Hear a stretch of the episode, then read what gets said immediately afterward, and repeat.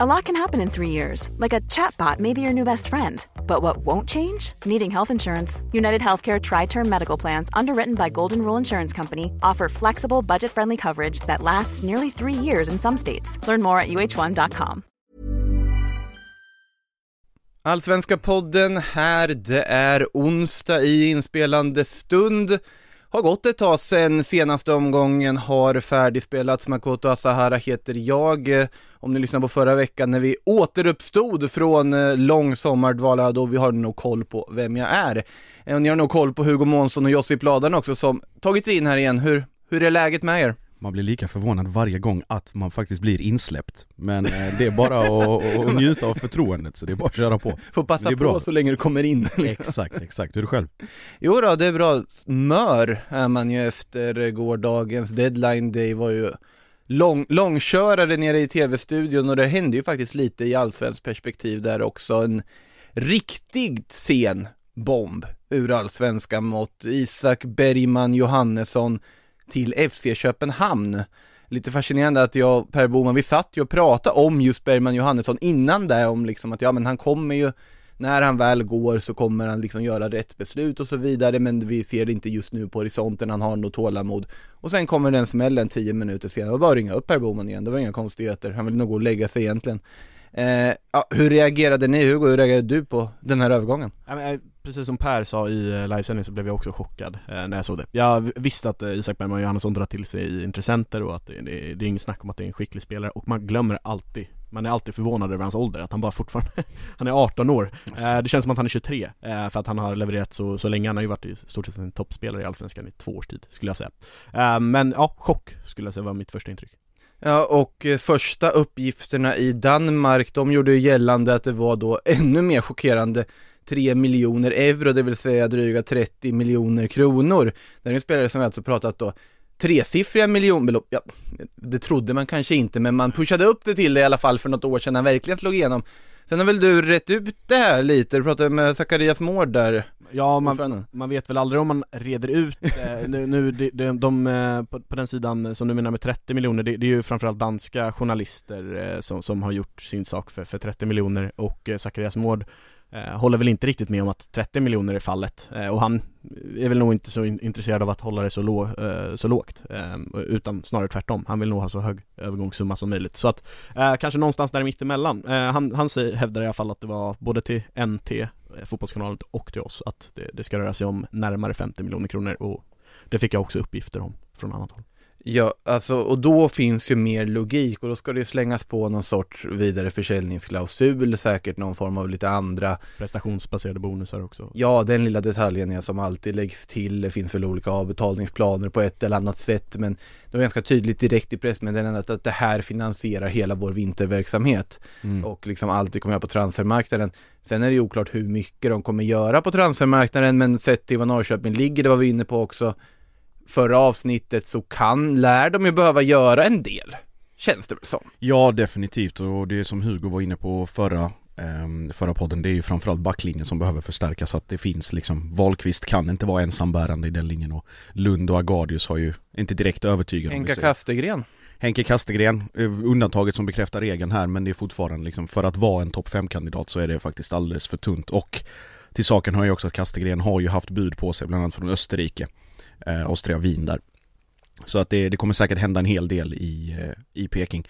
Däremot, eh, alltså framförallt det jag tänker på om Bergman Johannessons roll i Köpenhamn till den klubben han kommer till, alltså Mm. FCK Måste man, det ska man också lägga till protokollet att FCK är långt ifrån samma klubb idag som man var bara för en 5-6 år sedan. Det har förändrats väldigt mycket i Danmark, det är eh, framförallt Mittjylland eh, som har tagit kliv efter att de har ingått det här oheliga partnerskapet med Brentford. Eh, Och tackar ändå nej till massa pengar för Jens Kajus Just precis, precis. Vi har eh, Bröndby som är eh, danska mästare. Så att det finns lite att, att jobba med för, för en del av dem. Eh, Men då, det som om man tittar bara rent position och talangmässigt och, och liksom skicklighetsmässigt så Utgår jag starkt från att Bergman Johannesson ses som en rak ersättare till Mohamed Darami Som har gått till eh, Ajax för med, även med danska mått mätt stora 120 miljoner kronor Eh, sen om det är någonting som Bergman Johannesson ska göra nästa vecka eller om ett halvår eller nästa säsong, det återstår att se. Men man lägger inte den, Man går inte den, efter den typen av profilvärvningar med den historiken om man inte tror på honom långsiktigt. Så att, Plus att de danska klubbarna när de har tagit de här stora talangerna från Allsvenskan, eh, exempelvis Daniel Svensson som få har koll på, men som eh, Nordsjälland som också är en klubb som identifierar potential, köper loss det och eh, sen satsar på talangerna. Och det är ju det jag tänkte komma till, att just danska klubbarna, när de tar de här talangerna, så ger de också väldigt mycket speltid och förtroende till dem omedelbart. Daniel Svensson exempelvis, han, han hade ju bara gjort några matcher i division 1 för Brommapojkarna och han har gjort matcher nu för, eh, för eh, Nordsjälland i, i danska ligan och Mm. i något europeisk kval, om Mm. jag inte missminner mig. Eh, och, och samma sak Joel Andersson, han var ju inte ens helt tokgiven i Häcken innan han lämnade för Midtjylland och i Midtjylland har han ju spelat både Europa League-kval och ja, Europa Mm. League och, såväl som danska ligan. Så att de, de är duktiga på, på att faktiskt ge förtroendet också. mm. Alltså är det, vi har ju pratat om det här förut liksom inom svensk fotboll, att just det här med att danska ligan kräver helt annan typ av priser. Om Darami spelade i, i Sverige så hade man inte i närheten kunnat fått 120 miljoner. Nej. Men det är för att de danska klubbarna på helt annat sätt, jag vet inte om det är liksom kort, kortare fraktavgift på transferavgiften eller någonting när de är närmare kontinenten eller hur det funkar, men någonting är ju de gör rätt i alla fall. Mm. Skulle ni säga att det här, även om FCK såklart är en större klubb, alltså infrastrukturmässigt än vad Norrköping är, uppenbarligen så måste ju Isak Bergman Johannesson ha känt att det finns någon form av behov av hans egen utveckling att lämna i det här stadiet, för annars Mm. skulle det inte ske så här pass tätt in på deadline på det här sättet. Nej precis, och det är vi, vi är ju alla överens om att det kom ju, vi, vi återvänder till ordet chock. Alltså det, det var ingenting som, in, alltså att det var några indikationer på att han skulle lämna överhuvudtaget. Det har ju bara varit prat om, om Kajust till exempel och den här eviga Anel Ahmedhodzic eh, transferhistorien. Men Bergman Johannesson var liksom att man såhär, nej nej, det finns liksom inget, inget konkret att gå på. Och sen när det kommer 50 miljoner då är det väl bara att ta, ta pengarna och springa. Jag fick direkt paralleller till eh, när Mattias Svanberg egentligen inte ens hade brutit igenom i MFF och gjorde Gjorde väl det här eh, när han tunnlar, eh, tunnlar en innermittfältare i HIF, springer och avslutar själv i Skånederbyt. Och efter det kommer Bologna och lastar upp 50 miljoner. Så att det är väl lite Lite också out of the blue på det sättet. Men Med Bergman Johansson är det en annan sak, vi pratade ju om att han har varit så, han, har, han är 18 bast men det känns som att han har varit här i, i 10 år. Och det finns väldigt, väldigt mycket mer att hämta, jag tror att att Köpenhamn och, och framförallt danska ligan kommer passa honom väldigt bra Inte för att bli alldeles för långrandig om just den här övergången då, men, men samtidigt är det ju som sagt en övergång som chockerar. Eh, men, och, och jag måste säga, man hade förväntat sig betydligt större klubbar skulle norpa honom. Det hade ju ryktats om Manchester United och alltså de absolut största klubbar. Vilket man såklart får ta med en nypa salt för att de, då krävs det också exceptionella eh, prestationer över tid, även för en ung talang.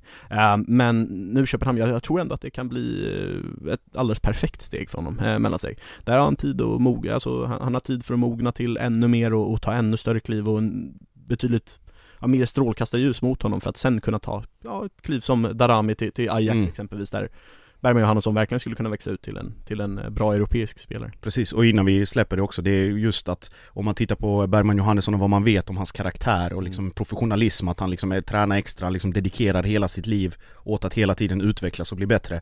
Och då de förutsättningarna och eh, vi pratar om faciliteterna men även alla de delarna individuell utveckling som erbjuds i, i FC Köpenhamn. Så är det, det är som handen i handsken och bli inte förvånade om han stannar kanske två säsonger i Danmark innan det är dags för något mycket, mycket större. Alltså det, det känns ju som att han måste känna att han börjar stagnera i Norrköping och att det finns en risk att det inte kommer att gå lika spikrakt som det gjort. Verkligen. Det är ju väldigt uppenbart att det finns någonting sånt här som gör att han gör, tar det här steget till, till just Köpenhamn. Ja. För att tidigare som sagt, då var det ju ett större steg han kanske såg framför sig, men här ser han väl att han måste kanske ta det här mellansteget, sett i läget han hamnat i just nu, utan att lägga någon värdering i om det ligger i Rickard Norlings intåg och hans liksom idéer och hur han har utvecklats under Norling, eller om det ligger i något annat. Så att eh, det, oavsett en chock, det har vi alla tre sagt här nu. Lite annat som också skedde här, inte lika stor chock att eh, Daleo Iran Dust går till eh, Groningen. Mm. Det var ju ren skytteltrafik rakt in i Groningens verksamhet där under slutet. Jaja Kalli ledde väl vägen där under i alla fall de här sista dagarna. Precis, Jaja Kalli, eh, Gabriel Gudmundsson har det pratats Mm. om tidigare som löste, jag tror han löste transfern till Lille 23.59 och Det, det presenterades på deras hemsida 23.59. Precis, det var en minutaffär där och sen samtidigt då de som redan finns, vi har pratat tidigare, Lucas Gomes som har gått Svensk eh, pojklandslagsman som har gått från Porto till eh, Groningen som går in i ungdomsverksamheten till att börja med.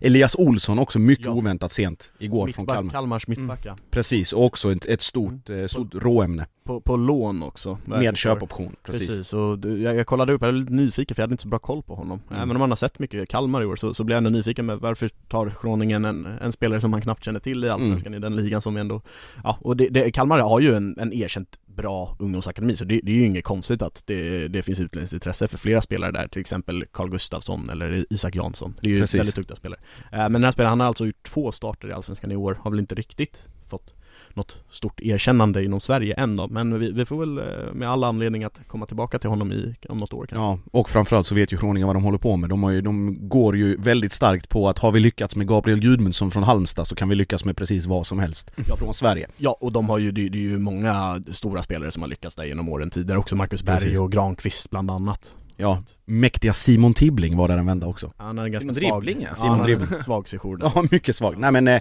och det är också som, vi är, det är lite nostalgiskt kul också att det blir en så kallad svensk koloni i Holland igen. Så fruktansvärt länge sedan, men det var ju, man minns ju Heerenveen en gång i tiden och ett par andra klubbar där omkring men nu är det sju spelare om jag räknat rätt, sju svenska Är spelare. det sju totalt? Över Gudmundsson lämnar så blir det sju ja. Precis. Det här satt jag och frågade igår under deadline-sändningen, alltså för det kom hela tiden fyra stycken. Är det inte bara tre? Men då är det den här Gomez som jag inte hade koll på från, eh, som har gått Precis. in i ungdomsleden också. Precis. Eh, Skönt att få svar på det här till slut. Oavsett, mycket svenskar i Groningen uppenbarligen. Mm. Vi bara lägga till det också att eh, Elfsborg tappar ju en jättepjäs också Gojani ja. i Precis. Silkeborg På tal om Danmark, de plockar även de mer erfarna, liksom mittfältarna. Och jag tänkte väcka den saken när vi var inne på Isak Bergman Johannesson för att Mm. för, för en månad sedan så fick vi den frågan i allsvenska panelen om just, vi börjar bli oroliga över att dam, alltså att all, Mm. allsvenska talanger lämnar för eh, Danmark och vid det laget hade Erik Erik Karl och eh, någon till hade lämnat för för ehm, eh, Danmark, eh, Emil Holm också Mm. Ehm, och, och då var det så nej ty, tycker jag inte var riktigt tillräckligt för att bli orolig på, på riktigt. Ehm, Nu Isak Bergman Johannesson, det är ändå hänt tillsammans med kanske Akin Kumi Amo och, och någon till Där som är de absolut yppersta av ja, unga talanger i Allsvenskan. Och när de börjar nu eh, lämna för Danmark då, då börjar det bli en helt annan sak. Och när Silkeborg, en med, medioker dansk klubb, Mm. plockar Robert Gojani som har varit exceptionell i år. Ehm, det, det är också Det är anmärkningsvärt. Ja, Mm, verkligen. Och det är också, det är när vi ändå pratar om Elfsborg, Stefan Andreasson som jobbar mycket proaktivt och som danskarna dammsuger Sverige så dammsuger den karn Danmark. övriga, övriga Skandinavien. Han är uppe i Norge och härjade, det kom ju uppgift häromdagen om att Grorud IL, för övrigt samma klubb som Leo Korni kom ifrån, till Djurgården. Eh, Oskar Aga, offensiv mittfältare, 20 år gammal, är också klar för Elfsborg från och med vinter. Man har hämtat Gudjonsen junior, man håller på att sälja, eller det fanns intresse kring Marocki Dion, man säljer Gojani och man har fått in liksom de här som vi pratar om in i mittfältet, framförallt André Römer som jag tycker har varit väldigt, väldigt stabil, haft en lite stabbig start. Men det, de vet vad de gör i Borås och då jag tror att de, de eh, mår också ganska bra av att få göra det i sin egen takt och lite i skymundan av, av eh, hur ska jag säga, bevakningen. Ja och härnäst blir väl nästa export från Elfsborg också, eller en av deras exporter blir väl eh, säkerligen Rasmus Alm och eh, Simon Olsson Mm, framförallt. Som nu är tillbaka från skada och det med besked, han, han är ju, ser ju direkt efter sin långtidsskada ser ju lika bra ut som innan Och Verkligen, och jag var och kollade, eller jag gjorde matchen eh, Elfsborg-Feyenoord och jag tycker, och fra, fastnade framförallt för eh, också lite oväntad utveckling så snabbt med Alexander Bernhardsson Mm. som jag tycker har kvaliteter som som är ganska ovanliga i, i svensk fotboll och framförallt i, i de sammanhangen där han har varit tidigare. Han var ju succéman i ÖIS, gjorde det bra, åkte på en skada, kom till Elfsborg, lite samma problematik där. Men har någon form av älgakliv som är helt sanslösa, att det är liksom... Men är det något med liksom spelare som har gjort succé i ÖIS? För att jag pratade med en eh, kompis som är liksom ÖIS-supporter, han sa att eh, han tyckte ju om just det här Gustav Ludvigsson och Alexander Bernhardsson, men de var såhär Buster-spelare liksom. Ja, verkligen. Spelare man verkligen faller lätt för, tycker om väldigt lätt. Mm. Ludvigsson är verkligen den typen också, sliter Jo. kopiöst enormt. Bernhardsson är lite samma. Ja, Ja, på. Alltså han inte- är ju inte lite samma mer slit. lite Jo, ja, lite mer exakt. finess, men du har fortfarande det här älgaklivet som... Jo. Ja, men Ludvigsson är ju rå, det är ett råämne ja, fast han ju- har ju teknik, Ja, det är ju han, inte... han har högst okej allsvensk teknik men det, det är ju framförallt hans fysiska kvalitet som är i toppskiktet Jo, jo, jo. Enda parameter som finns egentligen och så så är det väl avsluten som inte i, håller ens allsvensk eh. Johan Elmander om vi ska vara inne på ÖIS också, där har vi en annan sån typ av spelare, det, det är någonting med just ÖIS Ja. och eh, Det ÖIS ska givetvis ha sin, sin del av credden men jag, om jag inte missminner mig, läsarna, eller lyssnarna får gärna mejla och, och korrigera oss men jag tror att båda har, både Bernhardsson och eh, Ludvigsson har Sävedalens IF som moderklubb Även Kristoffer Pettersson, denna mycket, Ja, mycket ja. intressanta Petersson är det väl? Petersson, precis, Kristoffer med- Liverpool-produkten Exakt, den gamla Liverpool-produkten också. Eh, gjorde inte han en vända i Schroningen också? Jo, eller nu, ja, nu, är vi, nu sitter vi, ja, vad, Fulham eller något sånt där. Kan det ha varit eh, Excelsior eller Ja, någonting? precis, har inte varit en ja. typ i så tre olika nederländska klubbar Herakles var ju helt rätt. Och Utrecht, Roda, ja det var bara dem. Ja, Utrecht Råd, ja det, jag tror det var han, gjorde två vänder i Utrecht i alla fall, ett på lån Just det, också. Utrecht var det ja, precis. Fortuna Düsseldorf senast här och, innan, Med Ove Rössler, Så var det ja, så var det. Så var det. Men, men Flög inte. Innan vi får fler arga mejl så ska vi väl också i ÖIS succé också eh, tillskriva Jens Kajust eh, lite del där Definitivt, det ska man göra Det var ÖIS segment, mäktigt Mm. Oj, segment ja, mycket fint. Vi hamnade helt någon annanstans än vad jag egentligen planerade att vi skulle göra, men det förvånar mig ju inte. Eh, ska vi ta oss tillbaka till liksom, vi kan ju ta oss till Göteborg lika gärna. Ja. Inte kanske till ÖIS, de, eh, de gör där de gör med sitt projekt i Superettan. Samtidigt var det ju ett Göteborgsderby här i helgen mellan Häcken och IFK Göteborg.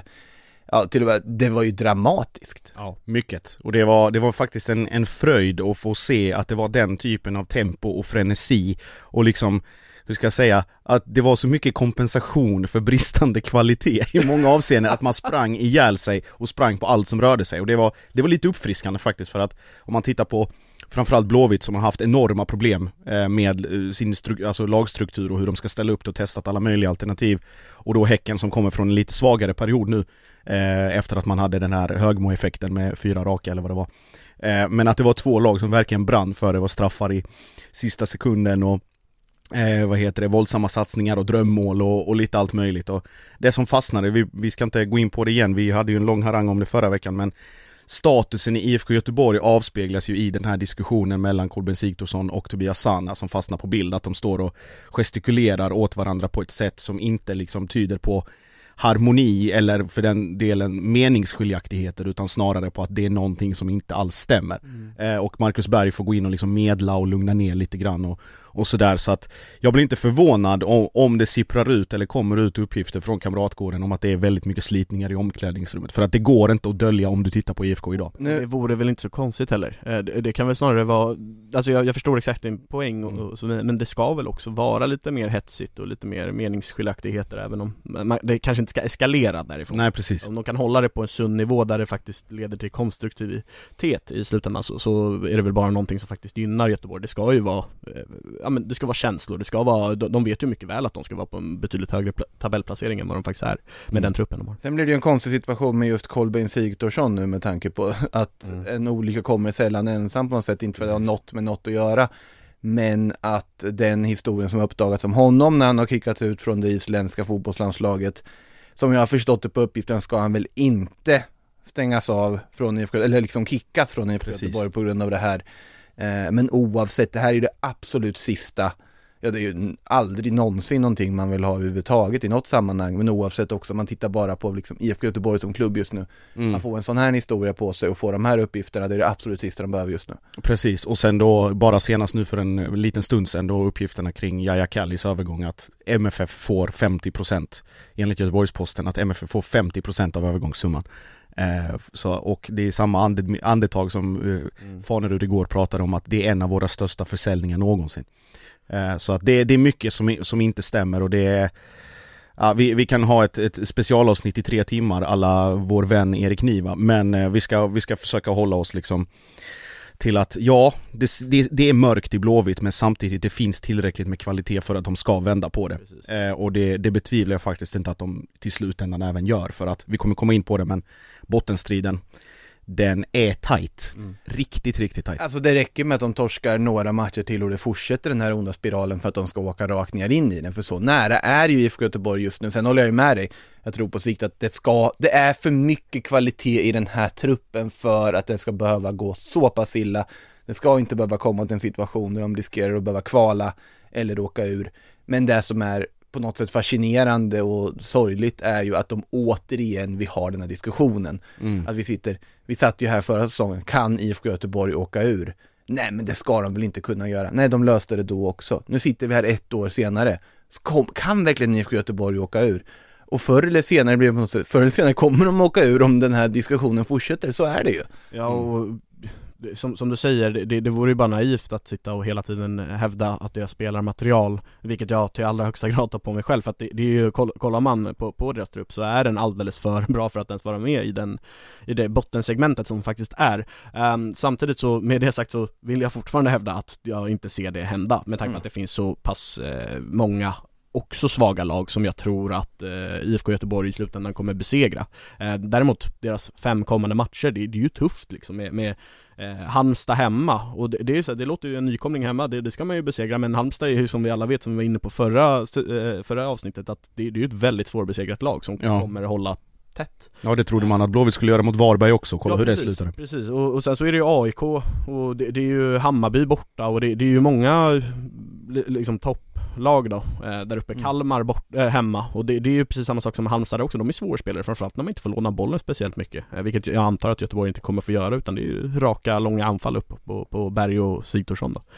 Eh, Så att nej, ja, det, det är ju tuffa femkommande och då, då gäller det att de faktiskt steppar upp nu och faktiskt gör som de var inne på mot Malmö när de tar en 3-2 seger där borta, att steppa upp mot de här bra lagen och, och ta en seger för att få moralboosten i truppen igen. Några som tog en seger mot ett väldigt bra lag här, om vi går in på den här bottenstriden just nu, var ju Sirius. Mm. Där behövde ju de verkligen den här trepoängaren distansera sig lite från det här strecket också i och med det, för det är så pass tajt Mm. just ovanför nedflyttningsstrecket så är det otroligt tajt mellan liksom positionerna och lagen. Eh, Sirius som då mötte Djurgården, nu var inte Djurgården kanske direkt rosat marknaden efter sin derbyförlust och vi var väl inne lite på det att det går lite grus i maskineriet där offensivt och det fortsätter det göra här på Studenternas där man fick äran att vara. Eh, men Sirius däremot, de börjar hitta lite rätt igen och det var väldigt mycket så i liksom på presskonferensen och mixade zonen efter matchen. Man hörde på dem både hur viktigt det var att få den här trepoängaren, det hördes på hemmapubliken som verkligen liksom var otroligt engagerade i att de skulle hålla den här, de här tre poängen och det var så här lättnadsjubel som verkligen liksom göd efter, ja det blev ju sju tilläggsminuter till slut i den matchen. Jag vet inte riktigt vart eh, Kaspar Sjöberg hittar dem, men oavsett, många tilläggsminuter, stort jubel. Och sen då vet jag, Daniel Bäckström sa ju det också att, alltså vi har ju haft den här tron i fyra fem veckor, att han var så otroligt imponerad över hur det här laget på något sätt haft tron, för det har ju varit ett Sirius som har gått knackigt. Ja, KK har gjort massa mål framåt, men samtidigt så har det ju inte riktigt funkat på samma vis som det gjorde under Rydström. Nej precis, och framförallt så har ju Kouakou, även om han har kommit till lägen så saknas kvaliteten i de avgörande Han momenten missade ju jättemycket Alltså det, i den vi här snackar matchen. 5-6 rena lägen per match Och det är liksom, man vet inte om det är mentalt eller om det är liksom att det blir, att man övertänker avslutet eller vad det är men bara den signalen som, precis som Bäckström säger, att vi tror på det, vi tar oss till lägena, vi skapar dem, gör ju att det blir någon form av ketchup-effekt senare. Eh, kan ta den parallellen och jämföra med Mjällby mot Degerfors borta. Också riktig brunkarmatch på Stora Valla, stökigt, regnigt, lerigt och jävligt. Och två lag som är liksom ganska, i en ganska tuff position båda två. Eh, men där Mjällby liksom, ur ingenstans egentligen, Kadir Hodzic får på en superträff som, som styrs in, in via, tror det är Adam Kalén som styr in den i bortre krysset. Helt otagbart för Alfie Whiteman från Tottenham för övrigt.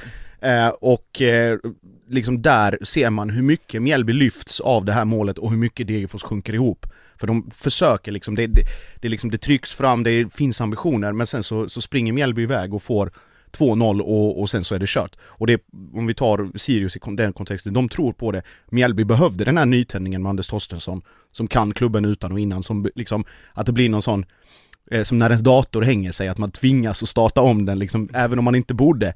Men att det blir någon form av, någon effekt, något minsta lilla nytt liksom, som gör att, att saker, eh, att det inte blir den här gråa dassiga vardagen och den här negativa tankespiralen som det blir. Eh, sen hur långt det räcker, det, det får man ju se. Eh, Sirius, jag kan inte deras schema nu, men jag tror också att får de med, vi, vi pratar om att hur tajt det är i botten. Och man vet att en, möjligtvis två, till och med tre segrar gör att du plötsligt är uppe på nionde, tionde plats och kan lämna det här bakom dig. Och det gäller egentligen alla lag där nere. Och Sirius har ju chansen nu att plocka poäng. Nu har de Östersund hemma, Precis. eh, Degerfors borta, eh, Norrköping hemma. Eh, så Och det är, ju, det är ju jätteviktigt då, alltså nu var det ju så att det som gör målet är ju en sån här mål som inte går att försvara sig mot. Ja såklart man kan diskutera om Widell Zetterström var lite för långt ut från sitt mål, men samtidigt, han har också Ja, jag skulle i alla fall tolka det som att han styr Kouakou åt liksom ur vinkel två gånger med väldigt vältajmade utrustningar. För att det var två gånger som han var otroligt nära då, det var en av dem väl på passning från Sugita bland annat där han, det, det känns som ett tokfriläge men han på något sätt hamnar ur vinkeln. Men det är också för att Widell Zetterström är så pass duktig på att liksom täcka ytor, styra honom dit han vill och sen kunna göra en lite mer enkel liksom basic räddning. Eh, här var man kanske lite fel utan Zeidan opressad ska sägas, han får ju stå och sikta in sig ganska länge där och sen bara avlossar och det är ju drömmål han Ja, får det är ju sanslöst. Fantastiskt avslut. Eh, och det var ju skönt för honom att komma igång på det här sättet. Det är ju ett lag med ganska mycket teknisk kvalitet i just det här Precis. offensiva mittfältet med Netabay, Sugita, Zeidan och så vidare som alla kan utmana sin gubbe. Kanske gör det lite för ofta vissa av dem också, att det blir lite för mycket soloräd på soloräd på soloräd.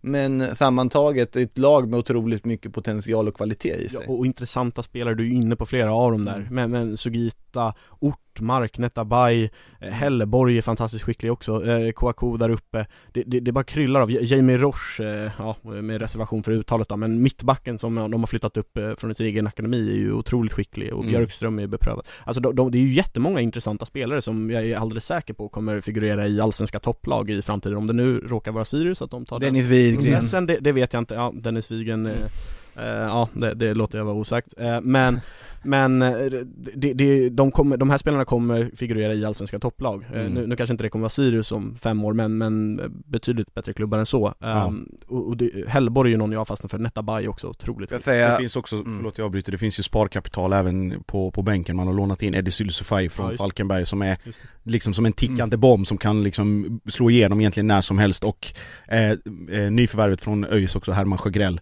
Så att det finns ju liksom även kapital att hämta in från bänken och det är som som man säger att, eller Sirius kör hårt, de är, man pratar om framåtlutade i vår bransch, de är väldigt framåtlutade men de får också väldigt ofta känna på hur det är när det vänder. Ja, Mm. och, Och de, det är de liksom- är så ojämna tycker jag. Det är, det är ojämna prestationer men det är också alltså Bäckström och, och sin sida med all den eh, skicklighet han har och, och erfarenheterna de har men det är fortfarande, det här är ett ungt lag. Det här kommer, det är barnsjukdomar om man tänker i ett perspektiv på kanske 3, 4, 5 år. Men om man vänder på det, kommer, hur många av de här kommer vara kvar om 3, 4, 5 år? Det är ju det som är problemet. För då måste du bara börja om hela tiden. Men det, om man tittar i den här matchbilden just mot Djurgården här så passar ju den ganska bra också på alltså Mathisen, Björkström och så vidare i mittförsvaret med en Vad- Vadke där. Alltså de hade ju en ganska lätt uppgift, de hade, kändes som att de hade någon form av mentalt övertag ganska tidigt. Djurgården hade en pigg period där i början av matchen men de har problem att komma till målchanser. Och sen är ju fortfarande det helt uppenbara problemet att de kan inte göra mål. Alltså anfall, de har för mycket anfallare som inte riktigt är i form för Precis. att kunna liksom överlista. Och Mathisen och Björkström, de åt ju upp verkligen Djurgårdsoffensiven på de liksom försök som dök upp. Mm. Och- Och det illustreras ju som säger Djurgårdens offensiva problem just nu, illustreras ju ganska bra av att de nu startar med eh, Emanuel Banda som någon form av falsk nia eh, centralt. Ehm, Kom inte riktigt till sin rätt. Nej, och inte inte, alls. helt Nej. oväntat för han kan ju inte varit skolad där, alltså det är en duktig spelare men han har inte riktigt ens fått förtroendet på centralt mittfält vilket, är hans naturliga position och så då få, inleda som, som falsk nia När de dessutom sitter på Joel Asoro, Emir Kujovic, eh, Kalle Holmberg. Kalle Holmberg, ja, eh, Kofi Asar är en stor talang, alltså de, de har ju många namn som är, eh, är anfallare Mm. i grunden, det, det, Bärkroth har testat i den rollen Mm, tidigare och eh, ja men de, de har liksom, det kryllar av offensiv potential i Djurgården namnmässigt då, och spelarmässigt men, men de har inte riktigt fått det att lossna där uppe. Nej, Eh, det är ju precis. liksom Chilufya i deras väg framåt just nu. Och som inte heller har visat jättestark form på sista Nej, tiden. Men, och och det, jag menar när han var i form så, när han var som bäst i våras och Svenska Cupen där så, så var det fortfarande en ineffektiv spelare som fick kanske tre, fyra, han gjorde ett hattrick i någon Svenska Cupen match där ehm, och två mål i matchen där, dessförinnan tror jag. Eh, annars har han ju liksom, det, det, det har varit för få glimtar av effektivitet. Han, han kommer ju alltid i nästan varje match till två, tre bra chanser som han Cool fact a crocodile can't stick out its tongue. Also, you can get health insurance for a month or just under a year in some states. United Healthcare short term insurance plans, underwritten by Golden Rule Insurance Company, offer flexible, budget friendly coverage for you. Learn more at uh1.com. Då eh, Mm. oftast bränner. På tal om bra chanser, eh, Örebro, AIK som jag var på, eh, AIK, eller där Örebro faktiskt inledde pikt och till och med tryckte ner AIK eh, runt det egna eh, straffområdet de första i alla fall 10-15 minuterna. Och sen märkte man att här tar kreativiteten slut, här är det någon som är lite på tårna i en brytning, här får Erik Otieno övertag på Dennis Kolander och sen är det tack och godnatt. Och framförallt när AIK har den monsterformen som de har med sina fasta, Fasta situ- situationer. fasta situationer. Det är två hörnor, det är två mål. Och man märker att redan efter 1-0 så är Örebro ett slaget lag. Och även om man har tendenser och ambitioner i andra halvlek att, att komma ut så Besara springer liksom i något form av, av vakuum mellan mittfält och anfall. Nordin Gerzic får slängas in iskall från bänken eh, utan att egentligen ha spelat väldigt mycket dessförinnan. Johan Mårtensson sjuk. Dennis Kolander ute på en kant. Kevin Wright ser ut som ett rundningsmärke när Zak Elbouzedi sätter fart. Så att det finns också och sen när man pratar med dem efteråt och liksom frågar så här, ja men hur mycket tänker ni på de andra och ni sitter i en knivig sitt samtidigt som ni har gjort en ganska stor satsning på att få in de här profilerade hemvändarna som ska rädda ÖSK. Och då ska man veta att det finns många människor i, både i och runt Närke och framförallt i Stockholm som brinner väldigt, väldigt mycket för Örebro, som har, sportklubben och som har liksom lagt ner själ, tid, pengar och vill att det ska gå bra. Men det är någonting, någonting som skaver, det är någonting som inte kommer ut. Men Örebro, Örebro är ju ett lag som, nu har de ju varit ganska katastrofala på våren. De Ja. kommer ju klara sig på att de är bra på hösten. Det är alltså det det är ju alltid så det, Det var funkar. precis det jag skulle säga, för att om man drar den parallellen till IFK Göteborg, alltså det, det är, man vet att om man tittar på spelarna, man tittar på materialet, alltså ett lag som har Besara, eh, Hamad eh, och en os, måhända oslipad men samtidigt kommer bli väldigt nyttig när han lär sig rörelsemönster och allting, Nasiro Moro Mm. eh, i mittförsvaret så, så kommer det räcka. Det, det, det, det är tur för Örebro att så många lag runt omkring är lika, för att vara krass, dåliga. Eller till och med nästan sämre. För att inte närma energiske Dennis Kolander också som Exakt, är, som som- är spelare. Som har ryktats till Bayern bara häromdagen så att, ja. Men eh, för att eh, eh, i den matchen då AIK, eh, återigen två fasta situationer, jag gjorde det knäcket efter eh, deras eh, match mot Häcken Där det också var två fasta situationer som fällde avgörandet. Eh, de, Då hade de gjort 10 mål av sina 24 eh, på fasta situationer, nu är det 12 av 26 eh, det, det är ju extremt starka papper. Eh, Bartosz Gelak sa efter Häcken-matchen som vi jobbade på, Mm. Josip, att eh, om man får igång fasta situationerna så kan det vara som en skyttekung Exakt. det, det har ju AIK just nu. Det, det är ju en skyttekung. Eh, framförallt om man har Sebastian Larssons eh, högerfot. Eh, nu nu Ja. steppade Zac Elbosedi upp mot Häcken men, men eh, i övrigt så är ju Sebastian Larsson otrolig där. Ja, och det är som Milosevic sa, som skrattade efter matchen mot Örebro, allsvenskans bästa högerfot och hitta allsvenskans bästa huvud. Så att det finns ju någon form av, Syftar han på huvudet bara liksom så här utsidan av huvudet och nick eller Nej, syftar han även på någon sorts insida av huvudet här? det är oklart, det är fritt att tolka. Och det ska man väl också ge ja, eh, AIK, det är väl det som faktiskt jag, ser dem som eh, en, av, en av favoriterna till, ja kanske inte favoriterna, men en av guldkandidaterna definitivt nu. Eh, Mm. Jag var inne på det förra avsnittet också, att de dundrar ju faktiskt på där. Och det också, Men ja, att de förlåt. hela tiden bara blir bättre mot bättre lag. Att AIK, ja okej Malmö då, det har de haft lite problem för, absolut. Men i övrigt så, så AIK kliver verkligen upp när de möter eh, bättre lag hela tiden. Det, det är ju tvärtom mot Örebro borta eller mot de här eh, förväntade bottenlagen som Exakt. AIK brukar ha tuffare att faktiskt få in det där förlösande 1-0 målet. Precis. Och, och det verkar de ju lösa nu med sina fasta situationer så, ja. Och det är det jag skulle säga att det finns, alltså man, man pratar ju om AIK och i de här ordalagen att är det kaos i AIK så är det allting som vanligt. Alltså är det lugnt så, så, så bör man ha ett finger i luften och se lite vartåt det är på väg. Men jag tycker att man ser bland spelarna, både på planen, i mixade zonen, på träningar, att det, det är ett lag i fullständig harmoni. Att det finns en liksom intern pålitlighet eh, och en liksom intern tro på att man, man kommer vara med där och att man sköter sin egen grej. Eh, Milo vill inte, vill inte hänga på i, i mixade zonen och prata om om man ser sig själva som guldfavorit utan lastar över det på, på MFF. Men samtidigt pikade Djurgården och sa att när ett, andra, när ett lag på andra sidan stan spelar fem matcher, vinner tre, förlorar två så är de guldfavorit. Så att man har en väldigt, väldigt stark tro på, på det man håller på Men med. är inte just det som också har varit en otrolig fördel för AIK just det här året att, alltså Vi satt ju här en samlad journalistkår och tippade dem på allt från liksom femte till sjunde platser. Mm. Man har till och med sett åttonde platser visserligen, på att de var, hade en sån anonym och intetsägande fjolårssäsong. Och att Den de, var väl rent av svag. Ja men alltså mittenplacering är ju intetsägande. Alltså en riktigt svag säsong, då pratar vi att, vad nere, jo såklart den är svag. Men en alltså, nionde plats från att följa upp en, tre, en fjärde plats från året innan och ett guld året Jo, jo såklart, såklart det är en svag säsong och en missräkning, det, det är självfallet. Men det jag menar är att det är ju ingen som riktigt, man tror ju inte att de ska liksom beblanda sig inom bottenstrid och att Nej. liksom fallet ska fortsätta. Man ser heller inte riktigt inför säsongen och potential att de ska bara lyfta för man konstaterar att ja men ja, då visst har de ett ramstarkt försvar fortfarande, visst har de ett fantastiskt mittfält och är bra på fasta. Men vilka ska göra målen, vilka ska ge udden? Det här är ju ett AIK som sedvanligt kommer att ha problem att luckra upp försvar. Ja, det är uppenbarligen ett AIK som på AIK-manér verkligen bara liksom maskinellt plockar trepoängare. Och AIK ska ju ta trepoängare på just det här sättet. Det ska vara Exakt. maskinellt, det ska inte alltid se så vackert ut, det hör inte till deras DNA. Och men de har fått göra det på någonting som bryter mot AIK, det är något att de gör det ju på något sätt utan förväntningar den här säsongen. De gör det utan press, de gör det i ett läge där de kan liksom öppet säga att ja men det är ju MFF som är guldfavoriter. Och det är väl kanske just det som gör dem så bra för att förra året hade de den utmaningen, det var en del av varför det gick dåligt med Rickard Norlings taktiska experiment samtidigt som man slussar in eh, kanske så här fem stycken egna produkter. Mm. Eh, ganska, alldeles för tidigt går väl att säga nu efter, men samtidigt är det också, de, de har ju stått på tillväxt nu och de, de har ju blivit ett år rikare Precis. av allsvenskt spel och det får vi se nu med Erik Ring, ja, Bilal Hussein har ytterligare en säsong där han, han var ju ingen nykomling Mm. i fjol men Yasin Ayari, Yasin Ayari är precis pa jätteduktig Paulos förra året som han, försvann ja. också Ja. precis så att Ja, Till Kroningen. Exakt. Nej, men så, så de har ju jättemånga bra talanger som nu Bartosz kanske mest får, eh, han får väl inte så mycket beröm men de, de gör det bra. Erik Ring nu tycker jag hela tiden också sopar bort lite av, av eh, sin valpighet för varje match som går.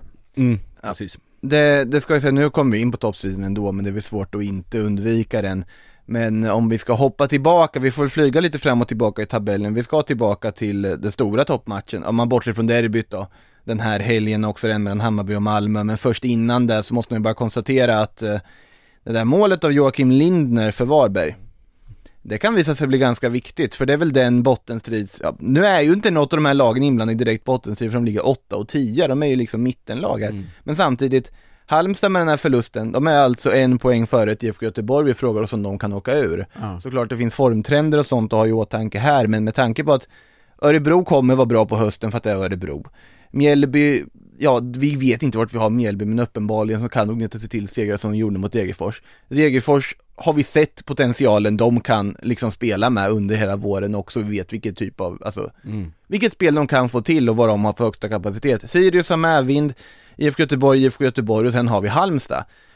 Ja, ja, nu har jag räknat bort Östersund där Mm. helt och hållet, kanske var lite elakt men samtidigt Nej, känns det som nej, att de, ja, det ska mycket till, De, det de finns, räknar ut. Ja, det, det, det, det tåget har definitivt gått. det känns ju som det. Alltså Ja. det, nu såklart det går teoretiskt sett att de skulle in i fatt men det finns ju inga tecken på det sett till vilka lag som är ovanför. Nej, och framförallt som du säger med Örebro att de kommer ju faktiskt lyfta. Eh, så att eh, då får ju Östersund jobba mot, ja, Ja, alltså på något sätt, det är också farligt att alltid säga det, men som sagt, och då kan ju inte varken Varberg eller Halmstad egentligen känna sig säkra, även om de ligger en ganska bra bit ifrån just nu.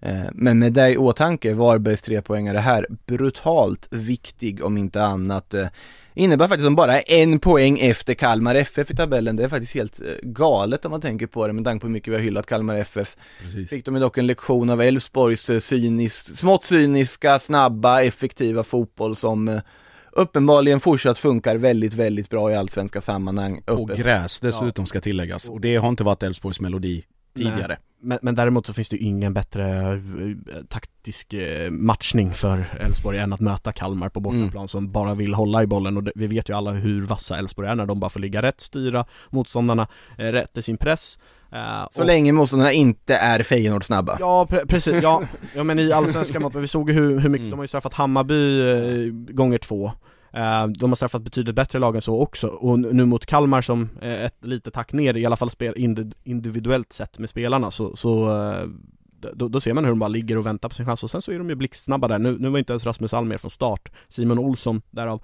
Kolla Gojanis passning återigen, jag vet att jag hyllade han i förra avsnittet också, men kolla hans passning fram till Simon Olssons 1-0 mål, det, det, är ju, det är ju en delikatess. Um, och Bernhardsson fortsätter göra mål.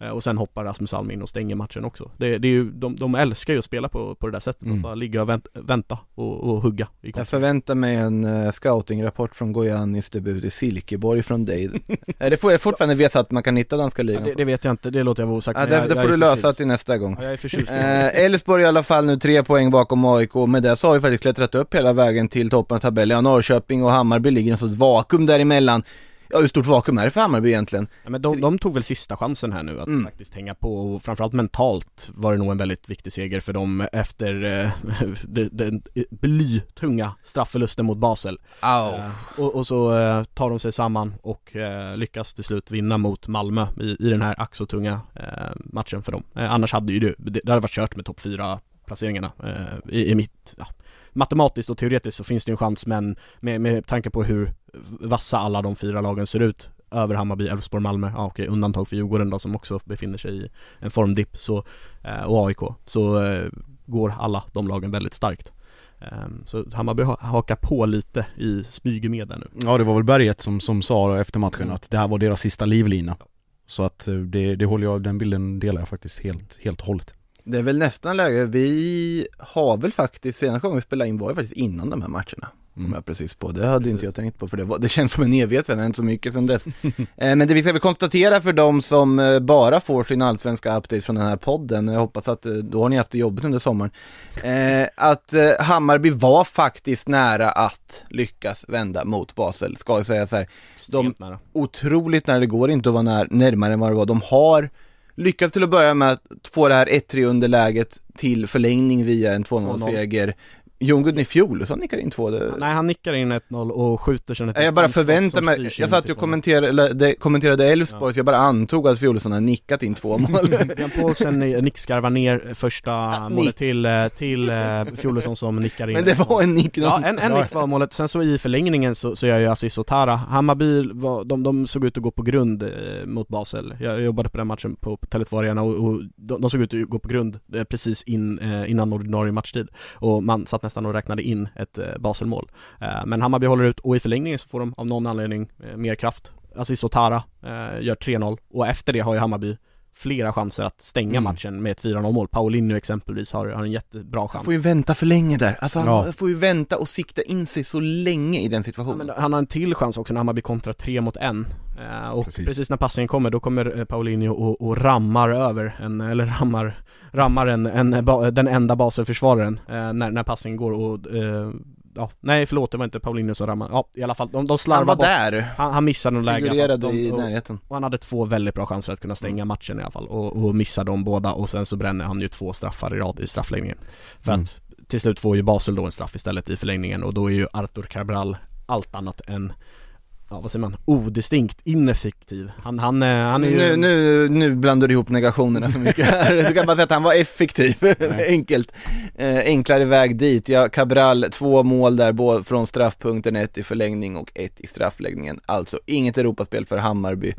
Eh, surt för de svenska lagen. Elfsborg lyfte ju sig trots den här superstjärnsmällen på The Kuip när man kom tillbaka och faktiskt vann hemma mot mm. Feyenoord. Jag tror att det var en ganska viktig seger även om det inte gav ett avancemang för det kändes ändå på laget som att det gav väldigt mycket tro. För det Exakt. var ju en tuff vecka de har haft bakom sig och sen får de den segern visa att men vi kan alltså mäta oss mot ett Feyenoord som ställer upp ett väldigt bra lag dessutom i den här matchen. Verkligen. Och jag var ju, Förvånansvärt bra. Ja, och jag var ju där och jag, Jimmy, Jimmy Tellin och Alexander Bernhardsson båda, båda pratade efter matchen om att det var extremt viktigt för dem att få den här typen av lärdomar, att veta att okej, okay, Eh, vi blev överkörda på bortaplan, framförallt när det kommer mot lag, alltså när vi möter lag av den här digniteten och karaktären och det spelsättet. Men samtidigt så, så påpekade Jimmy, alltså det låter som en klyscha men att det här att vi kan prata om det, vi kan se det på TV, vi kan liksom diskutera det i all oändlighet men vi kommer aldrig veta hur det är förrän vi är där själva. Och det är liksom, han bara, man kan inte nog understryka vikten av de här lärdomarna. Om det innebär en käftsmäll med 5-0 på The Cup,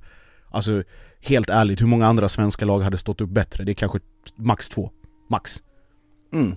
Alltså det... Rent objektivt, på ett fullsatt Cup i, en, i en, den typen av match. Jag, jag, jag har svårt att se fler lag än, än två liksom.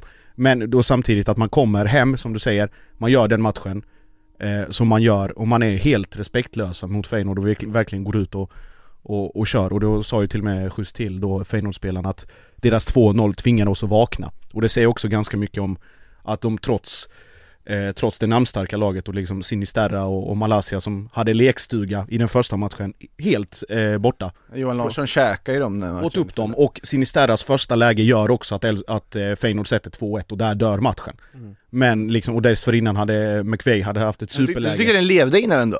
Nej men han, innan, när man är och nosar Innan 2-1, innan, precis i anfallet innan 2-1 så har McVeigh ett dunderläge som rensas mm. på mållinjen till att bli 3-0 och då har vi en, och då har vi en halvtimme kvar och allt kan hända liksom, och då mm. börjar ju liksom skräcken sätta sig på riktigt. Men Samtidigt, de lärdomarna och de erfarenheterna för den typen av spelargrupp som Elfsborg faktiskt är Tror det är ovärderligt i, i resten av den här säsongen.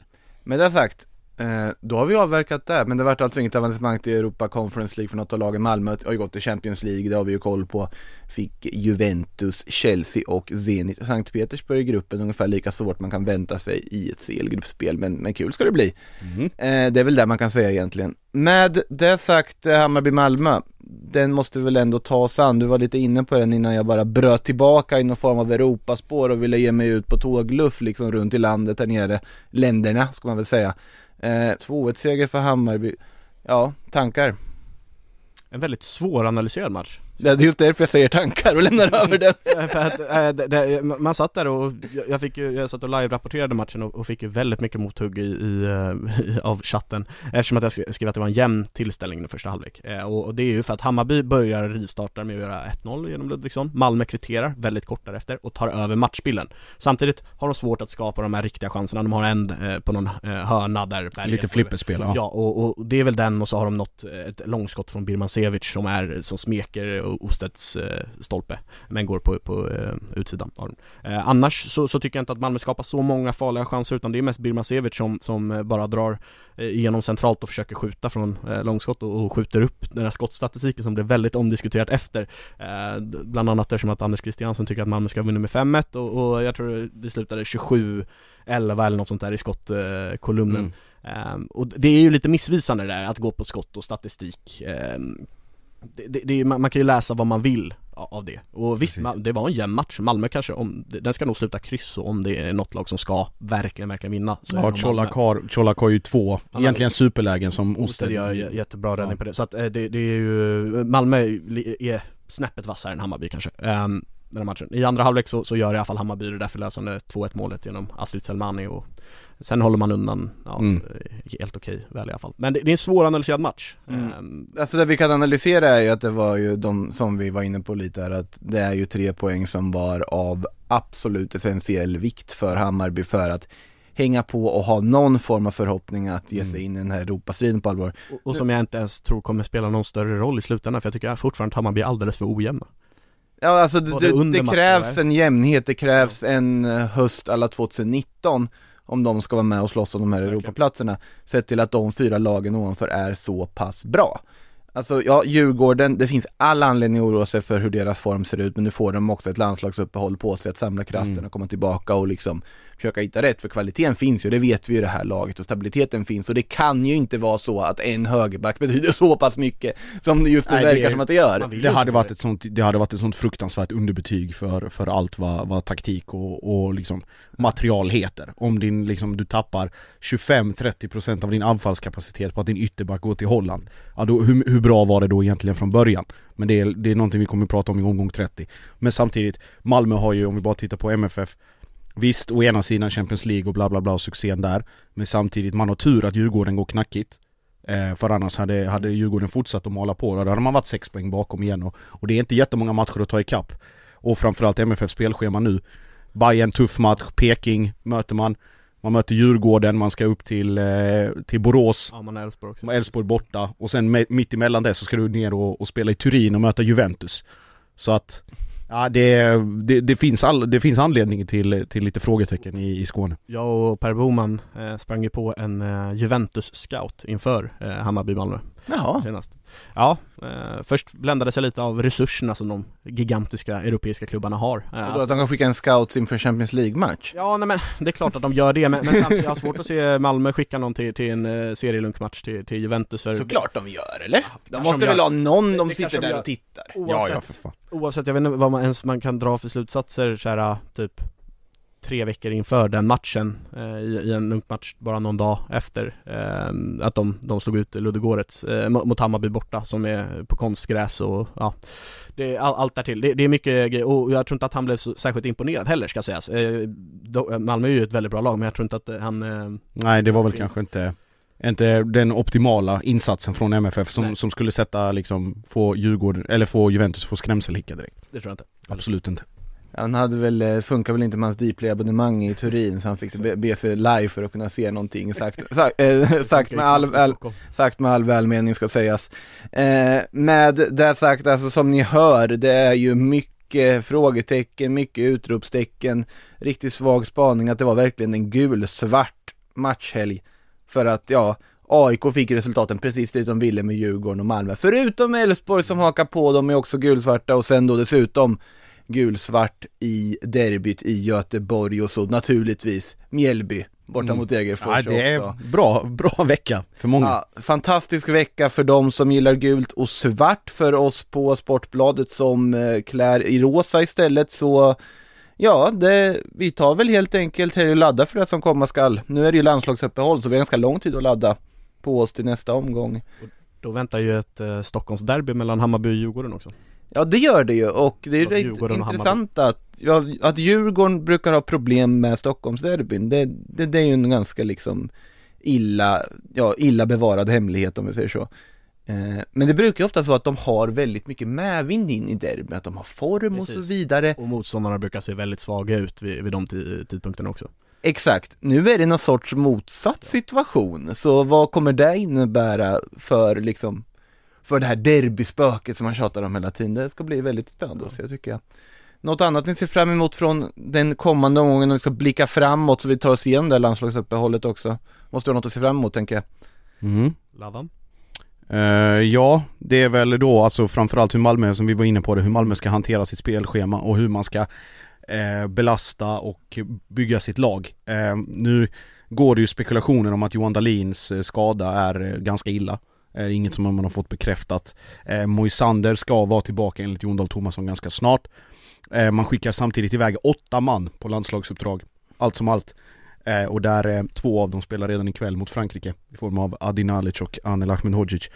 Eh, så att det, det finns den här, vi pratar om truppbredd i all evighet men nu kommer det till kritan alltså hur mycket, hur bred är den egentligen och hur kvalitativ är den att hantera den här typen av, hur ska jag säga, finaler som är, alltså det är en sak att Jove, Jove borta och sen åka och möta Mjällby hemma, det är en sak, men att ha dem, hur ska jag säga, den här digni- Matcher i Allsvenskan och att ha matcher av den digniteten så länge, det blir, det blir verkligen ett test att se vad, hur, mal- hur bra de är på att hantera det. Så det är det jag ser fram emot mest. Det kan ju vara en styrka i sig också, det ska bli spännande för att just att få så här mycket toppmatcher på rad Mm. Det innebär att du liksom kommer in med en helt annan våg av kraft och bara liksom vrider på den rakt igenom ett sånt spelskede och sen går liksom med nio poäng på tre matcher. Mm. Och du behöver aldrig jobba med motivationen heller utan den kommer ju automatiskt om det är toppmatcher efter toppmatch. Precis. Det, det, det är ju där, det Malmö-Örebro där 25 september, den Mm. ligger dock lite i farozonen. Örebro har vaknat i sin sedvanliga höstform.